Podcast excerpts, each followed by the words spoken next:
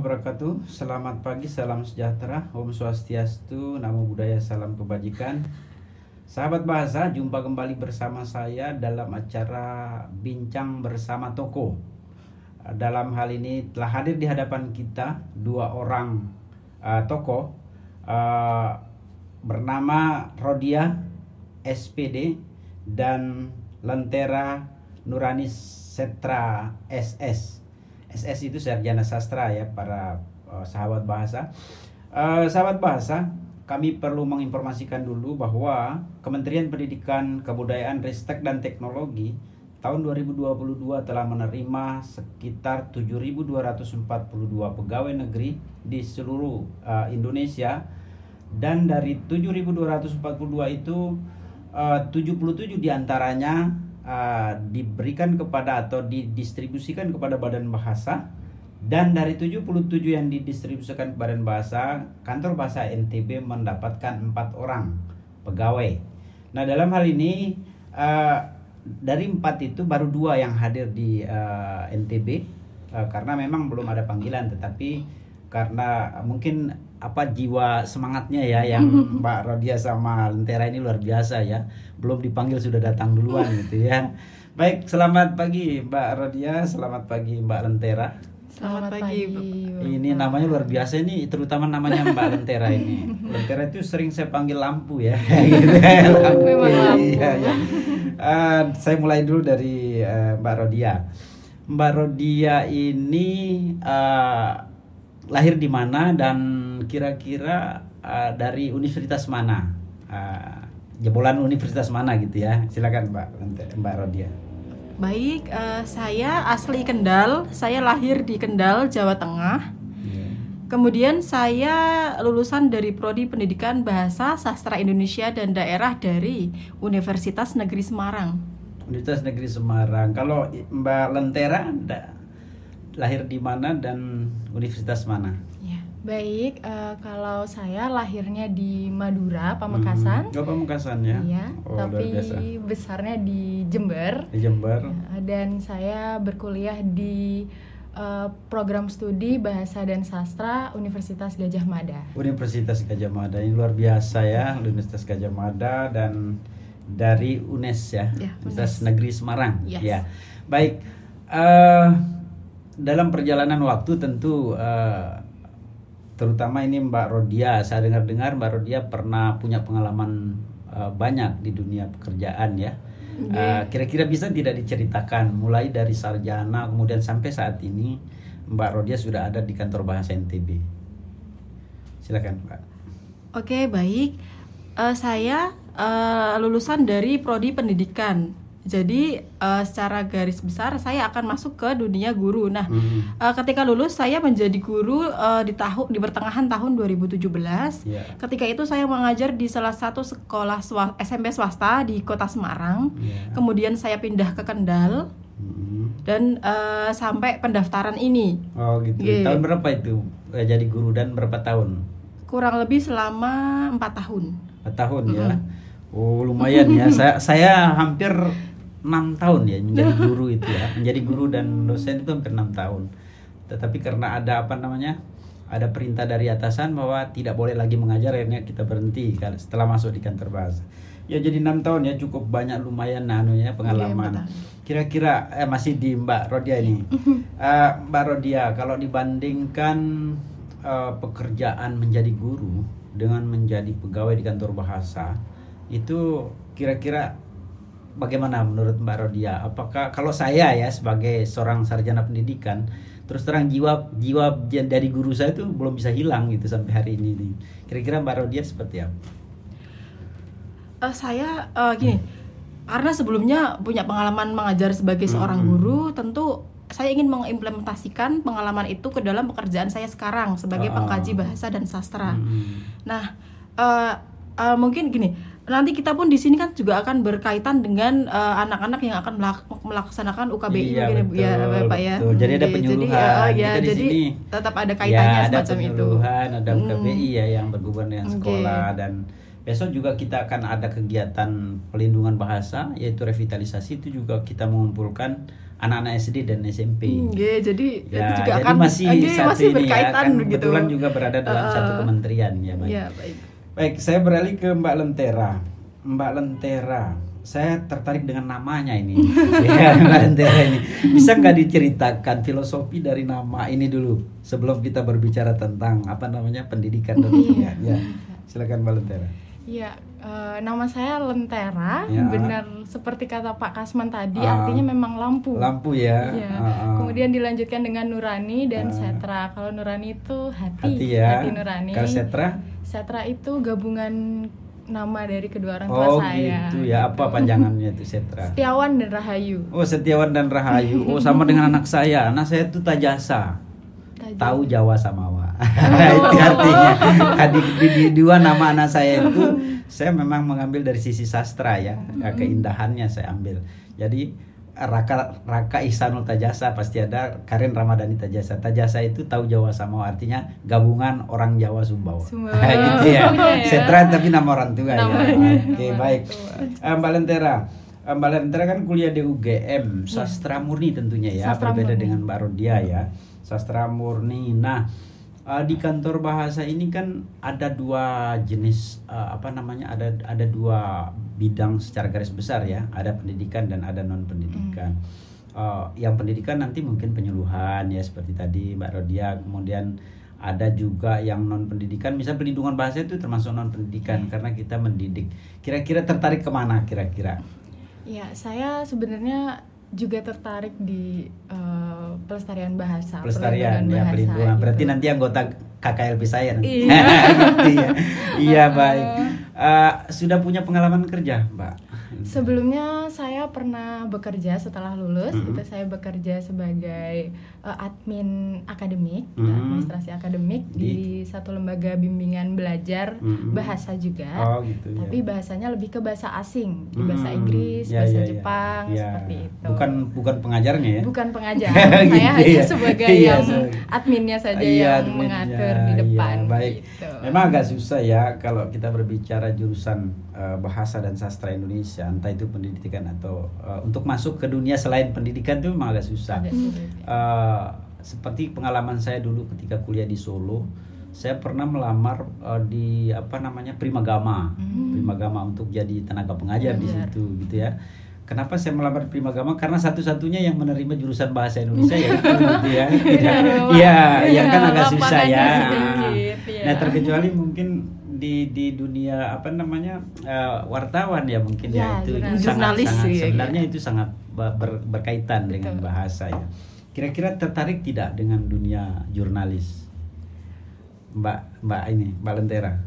Iya, sebenarnya dulu saya Ah. memang pertama kali masuk ke sastra Indonesia Hmm. itu memang pengennya jadi jurnalis gitu, Hmm, reporter ya. atau mungkin bisa jadi editor Ah, begitu. Saya harapannya pengennya dulu seperti itu. Iya, iya. Tapi setelah masuk itu ternyata saya lebih fokus pada bahasanya, Ah. kemudian saya melihat peluang peneliti Iya. dan segala macam itu kayaknya lebih saya begitu. Tetapi peneliti sekarang sudah ditarik loh ya. Iya, sudah ditarik itu yang membuat ya. saya Iya. sedih. saya juga status saya sekarang masih peneliti sampai Agustus. Nanti Agustus sudah ditarik peneliti itu. Saya beralih ke eh, Widya Bahasa. Insya Allah mudah-mudahan cepat jadi anunya ya.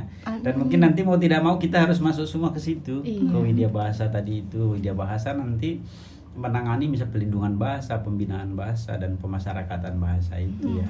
Iya, betul. Eh, saya ingin bertanya pada keduanya ini. Ah, seperti pengalaman saya dulu ya, saya ketika kuliah di Solo ya, saya coba main-main ke eh, Balai Bahasa eh, Jawa Tengah, Balai Bahasa Jawa Tengah. Saya saat itu tidak tahu bahwa ada sebuah lembaga pemerintah ya yang menangani masalah bahasa dan sastra itu terus terang saya tidak tahu. Saya diajak oleh Pak Dr. Sarifudin ke sana, ayo kita ke sana. Sampai di sana saya bingung kok ada kantornya ya bahasa ya. Nah, pertanyaan saya apakah memang sudah ada gambaran sebelumnya atau baru tahu dari informasi di internet kah atau dari teman kah sehingga tertarik ke kantor bahasa? Gitu. Ke Mbak Rodia dulu. Kalau tahu soal kantor bah- kantor bahasa itu sudah sejak kuliah, Bapak. Hmm, gitu Ke- ya. kebetulan dulu sering eh, berkunjung ke Balai Bahasa Jawa Tengah waktu itu Hmm, karena iya, iya. keperluan ingin eh, mencari buku atau mencari referensi Oh, untuk gitu skripsi ya. awalnya. Hmm, hmm. Jadi ya. uh, ada buku, ada be- be- beberapa buku yang bisa dibawa pulang Ah. secara gratis gitu waktu Oh, itu. gitu ya, Iya, gitu. Namanya anak Oh, yang dibagikan ya, yang Iya, buku iya. hadiah apa? Mm. Ada terbertulis eh, hadiah hadiah ikhlas ya kalau tidak salah sih, dari Badan Bahasa itu ya. Itu, ya, ya. nah, itu, pokoknya memang ya. ada beberapa Ada buku itu. yang bisa dibagikan ke masyarakat Mm. yang di Badan Bahasa itu karena buku itu di apa namanya? di di menggunakan anggaran negara jadi kami bagikan secara gratis memang. Misalnya eh, kamus ya, Ya, kamus, ke- kamus. tapi dalam bentuk kecil, bukan Mm-mm. kamus yang besar itu. Bukan, Kalau kamus bukan besar itu BBI. bukan bukan memang dibuat oleh Badan Bahasa tapi yang menerbitkan itu Yayasan Obor. Jadi tidak bisa kita gratiskan. Kemudian yang eh, berikutnya cerita-cerita rakyat itu banyak ya yang digratiskan. Di NTB juga banyak kami sudah eh, ke mana-mana membagi buku-buku Mm, seperti iya. itu untuk bahan literasi. Iya. Kalau Mbak Lentera? Kalau eh, keberadaan Balai Bahasa itu Mm. juga saya baru tahu ketika saya kuliah gitu. Jadi saya kuliah di Ah, Jogja. kuliah Jogja. Eh, kemudian saya ikut komunitas teater. Hmm. Dan kebetulan waktu itu eh, Balai Bahasa mengadakan lomba teater monolog Hmm, waktu gitu, itu. iya, ya, iya. jadi saya datang ke sana melihat situasinya ternyata bahasa dan sastra ini juga ditampung oleh pemerintah Hmm, dalam kantor bahasa, ya. dalam Balai Bahasa. Padahal, padahal gitu. Badan Bahasa itu berdiri eh, tiga tahun setelah merdeka loh. Oh. Tiga tahun setelah merdeka loh. iya. 1945 berarti sekitar 1948 kalau tidak salah ya. Eh, yang pertama itu adalah eh, kantor Ba- Balai Bahasa Jogja. Itu yang pertama. Nah, cikal bakal dari Badan Bahasa itu berada di Jogja dulunya. Ya sebenarnya. Dan saya juga uh, ternyata udah lama gitu ya. Ketika saya tahu tahun saya saya mengenal Badan Bahasa itu tahun 2003 itu. 2003 saya di Solo saat itu. Eh 2002 ternyata ada ya gitu ya badannya. Tetapi menurut eh, saya pertanyaan saya ke kedua eh, teman-teman ini kira-kira menurut teman-teman eh, urgensi keberadaan kantor bahasa atau balai bahasa di setiap provinsi itu kira-kira seperti apa sih gitu ya. Menurut pendapatnya loh ini bukan menurut teori atau apa ya, Iya, pendapat betul, teman berdua ya, saja ya. gitu ya. Iya, iya. Urgensinya apa kira-kira? Eh, Nanti jangan sampai ada yang bilang kok bahasa ada kantornya ya, ya kan begitu kan? Iya. ya silakan Pak Rodia. Eh, begini, eh, menurut hemat saya eh, kantor keberadaan kantor atau balai bahasa itu sangat penting Hmm. bagi eh, untuk eh, keberlangsungan bahasa di daerah Ya, itu ya. Eh, karena dengan adanya eh, kantor bahasa atau balai bahasa ini jadi ada wadah untuk eh, melestarikan, Hmm. melindungi. Ya, jadi betul. bisa eh, gini bahasa itu kan dinamis, pasti Hmm. berubah-berubah gitu ya. Ya, Jadi betul. jadi nanti eh, apa namanya dari bahasa-bahasa ini Hmm. bisa dikembangkan atau na- nanti bisa diambil atau diserap Mm-mm. menjadi bahasa Indonesia asli yang Ya, dari daerah itu. ya, Macam gitu. Setahu betul. saya semacam ah, itu. betul Mbak Lentera Saya kurang lebih sama. sama Jadi, ya iya, kurang lebih eh, sama. Jadi, Nah, oke jadi begini. jadi eh, ya memang yang paling urgent menurut saya itu dari segi pelestariannya. Ya, Bagaimana kita betul. mengembangkan, Mm-mm. tetapi juga pertama-tama pasti dilestarikan terlebih Ah. dahulu agar bagaimana masyarakat ini tahu betapa pentingnya Iya, bahasa. Iya. Kenapa saya tanyakan itu gitu ya? Karena saya tahu teman-teman ini masih polos gitu ya. Betul. Belum ya, Betul belum loh, Pak. belum anu betul, belum terkontaminasi betul dengan aturan yang ada di Badan Bahasa gitu ya. Kalau seperti saya kan sudah betul-betul eh, bisa dibilang dicuci otaknya lah ya seperti itu ya untuk mencintai Badan Bahasa gitu ya. Tapi teman-teman kan baru masuk nih, Iya. sengaja saya tanya. Ya memang eh, dari segi memang pelestarian harus dilestarikan bahasa-bahasa itu dilestarikan dan alhamdulillah Indonesia itu termasuk eh, negara yang memiliki bahasa daerah yang sangat banyak Banyak. gitu ya. Eh, penelitian terakhir Badan Bahasa itu sekitar 717 kalau tidak salah. Terus 17 atau 37 saya lupa itu. Pasti di atasnya 700 gitu ya, 700 bahasa gitu ya. Karena has- eh, kami melakukan penelitian itu dari tahun 2006 sampai dengan kemarin itu 2020 2018 sampai 19 itu selesai. Tetapi bahasa-bahasa di Papua di wilayah-wilayah konflik belum kita Belum teliti masuk. memang ya. Nanti mungkin Mbak Rodia sama Mbak siapa Mbak Lentera nanti diutus ke sana berani nggak? harus berani ya. Menjadi pegawai negeri itu kan memang dipaksa kita Ya. harus seperti itu. Baik, eh, kalau boleh tanya ini pribadi ya, eh, di rumah berapa saudara kira-kira dan urutan keberapa? Kalau misalnya punya dua atau tiga saudara urutan keberapa? Mbak Rodia dulu. Uh, saya ada uh, anak pertama dari dua bersaudara. Hmm. Saya punya adik laki-laki satu. Hmm. Uh, dia sudah bekerja hmm. di rumah. Kerja di? Bekerja di ini uh, mekanik. Mekanik. Bidangnya ya? lebih ke mekanik oh. motor, mobil uh, seperti itu. Kalau orang tua?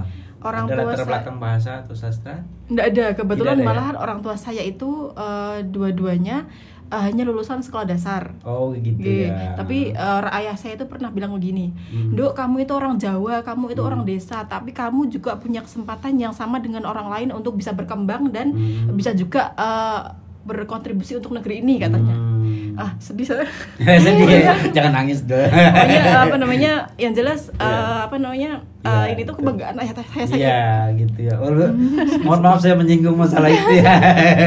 Mbak Lentera gimana? Kalau saya uh, anak kedua dari dua bersaudara. Dua dari dua ya, bersaudara. Saudara yang besar kerja di? Uh, yang kakak saya itu hmm. sedang kuliah sekarang hmm. S2 di hmm. UM, hmm. sama latar Lulusan? belakangnya pendidikan bahasa Inggris. Bahasa Inggris ya, ya. Bahasa oh, juga. Berarti gitu. adalah darah-darah bahasa gitu. Ya. Iya. Walaupun bahasa Inggris.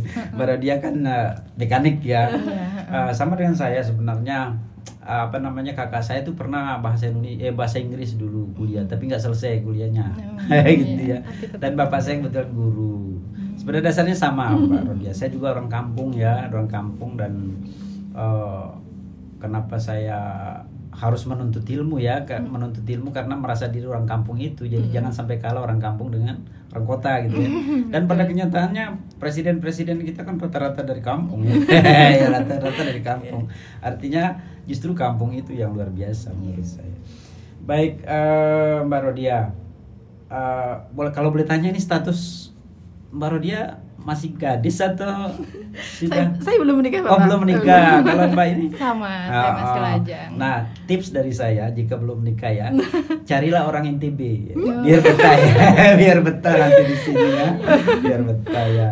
Karena apa? Karena nanti kalau misalnya teman-teman tidak betah tentu terganggu pekerjaan gitu kan, terganggu pekerjaan. Nah, kalau sudah betah di sini, punya suami orang sini kan enak kerjanya tuh, tidak terganggu ya. Betul. Baik eh, kira-kira pandangan uh, teman berdua ya tentang NTB pertama ketika melihat NTB gitu ya. Karena ada orang Jawa itu yang tidak tahu di mana sih NTB itu gitu ya.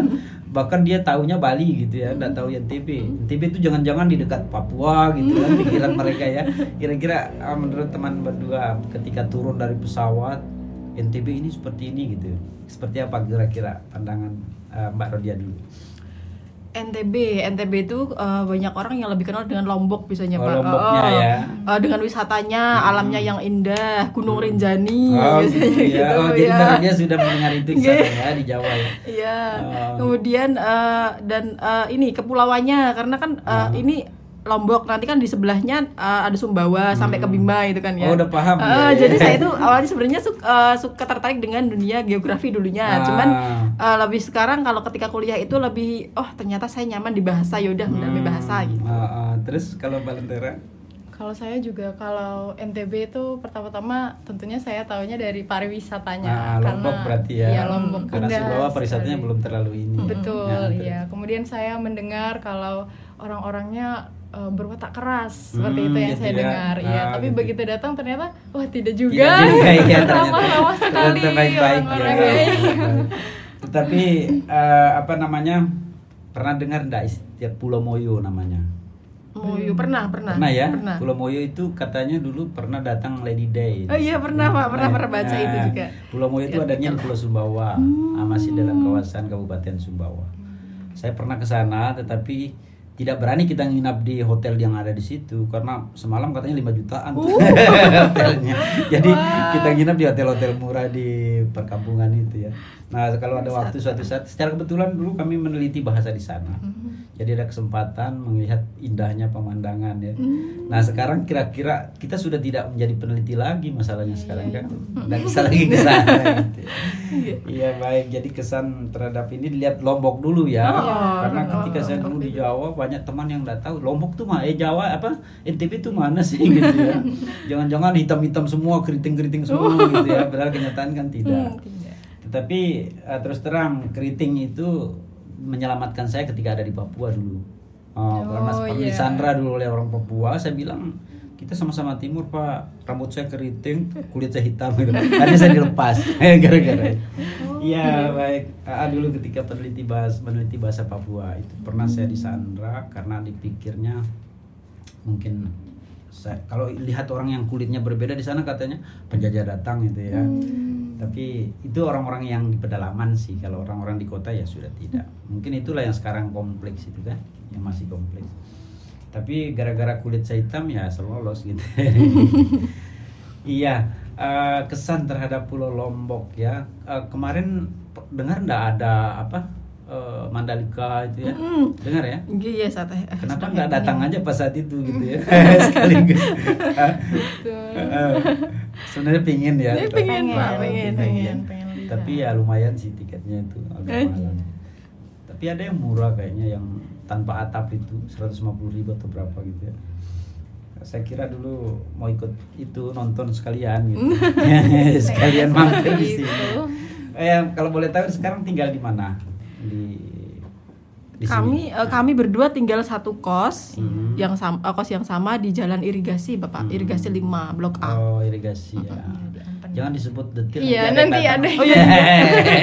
ada cowok masih oh, iya. ngapain Baik, terima kasih Mbak Rodia dan uh, Mbak Lentera. Semoga bekerja di sini dengan betah ya. Amin. Betah.